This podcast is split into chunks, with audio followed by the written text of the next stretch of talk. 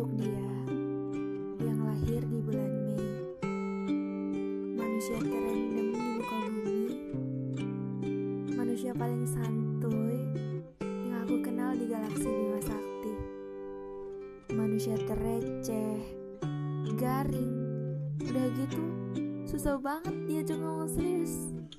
Segala sesuatu dia nggak bercanda. hal aneh yang keluar dari mulutnya pasti punya makna. si random istimewa. Semoga hal baik selalu mengiringi dia ya. Semoga segala mimpi baru atau mimpi masa lalu yang belum terlaksana bisa jadi nyata. Semoga dia percaya kalau semesta selalu mendukung dia. Hmm, bantu aminkan doa-doaku ya. Happy birthday Pinju. Wish you all the.